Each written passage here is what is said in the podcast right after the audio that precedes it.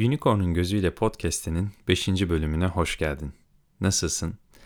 Bugün negatif düşünceler üzerine konuşacağız. İnsan sıkça zihnindeki negatif düşüncelerden kurtulmayı ister. Negatif düşünceler üzerinde düşündükçe ve bu düşüncelerden kurtulmaya çalıştıkça da daha çok negatif düşünceler üzerinde vakit geçirir. Zihin onu zorladığında doğru bir şekilde çalışmaz. Onun beklediğin şekilde çalışması için beklentilerin doğrultusunda modifikasyonlar oluşturman gerekir. Ama bundan daha da önemlisi düşünceleri durdurabilmek için zihinle insanın kendisini ayırt etmesi gerekir. Önce zihnin mekaniğini kısaca bir gözden geçirelim. Zihin, görenin yani deneyimleyenin, görme yani algılama aracıdır. Zihin modifikasyonlarıyla çalışır. Bu modifikasyonlar edindiğimiz bilgiler ışığında oluşturulur.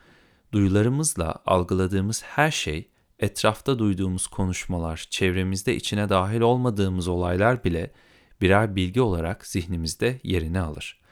Zihnimiz doğası gereği var olan düşünceleri negatif veya pozitif olarak ayırma kabiliyetinde değildir. Neyin daha değerli, neyin daha değersiz olduğunu da doğrudan ayırt edemez. Edindiği bilgileri üst üste ekleyerek yapısını şekillendirir. Bu yüzden bugün sana pozitif gelen bir düşünce yarın negatif de gelebilir.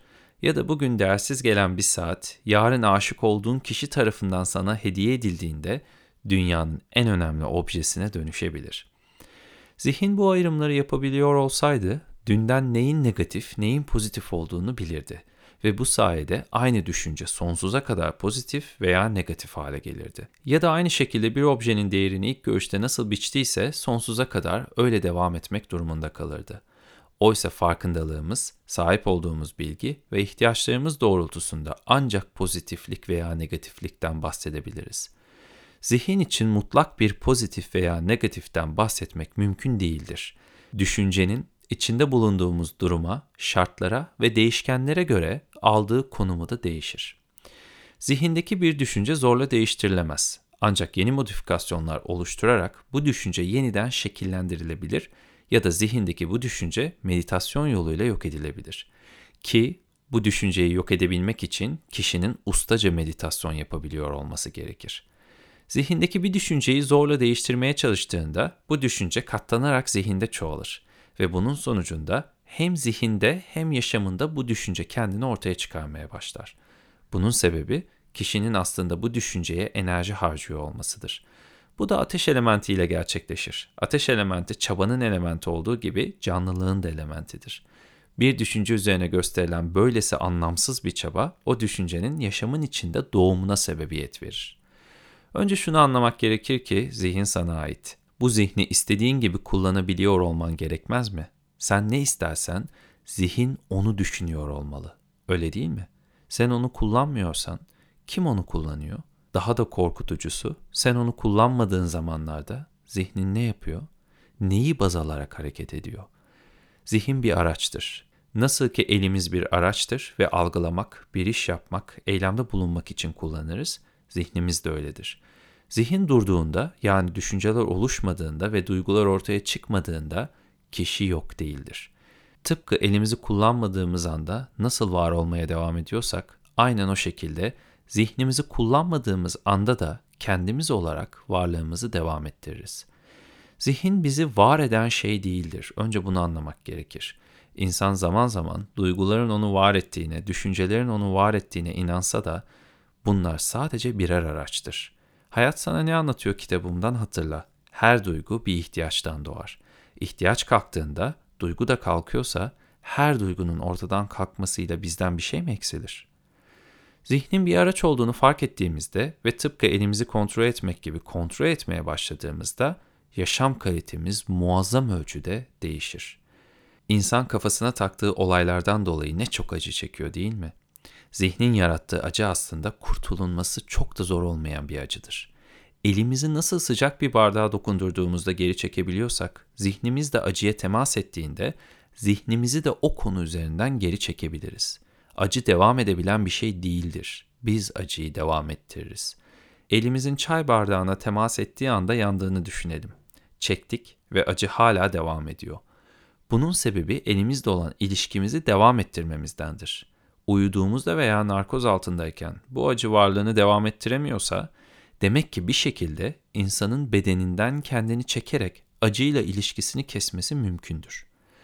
Biz buna yogada pratyahara deriz. Bu kendimizle beden arasında mesafe koyabilme aşamasıdır. Tıpkı bu şekilde kendimizi zihinden de çekerek zihinle ilişkiyi kesmek mümkündür. Aslında hem bedenden hem de zihinden kendimizi ayırma halini yıllardır deneyimliyoruz. Nasıl mı? Uyurken. Bu anlattığım şeye yabancı değilsin. Yıllardır bunu farkında olmadan uyurken yapıyorsan farkında olarak yapmayı öğrenmesi de çok zor olmasa gerek. Kendimizi zihinden ayırarak bu geri çekme haline yogada meditasyon deriz. Her insan bunu deneyimlemelidir. Kimse bu hayatta acı içinde kaybolmak zorunda değil. Tüm negatif olarak gördüğümüz duygularımız kontrol edilmediği sürece ya kendimize ya da hayatımızdaki birine yansıtılır.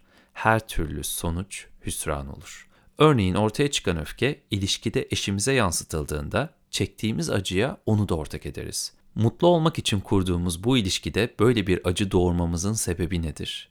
Sebebi aslında zihnimizin gölgesinde yaşıyor olmaktır. Kendimiz ne yaşıyorsak ilişkimize de ancak onu verebiliriz. Huzurlu olmayan biri ilişkisine de huzur veremez.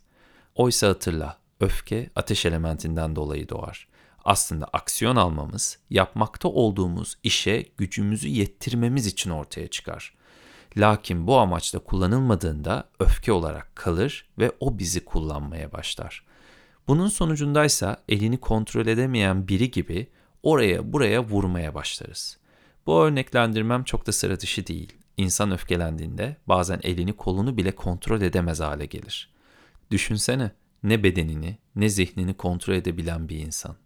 Peki hiçbir şeyini kontrol edemiyorsa insan ne kadar yaşıyor sayılabilir? Aynaya baktığında gördüğün sensin diye bu bedende yaşayanı da sen sanma. Bedenini, zihnini kullanamayan biri pek de yaşıyor sayılmaz. Sadece negatif olarak gördüğün değil, tüm düşüncelerini durdurmak için çaba göster.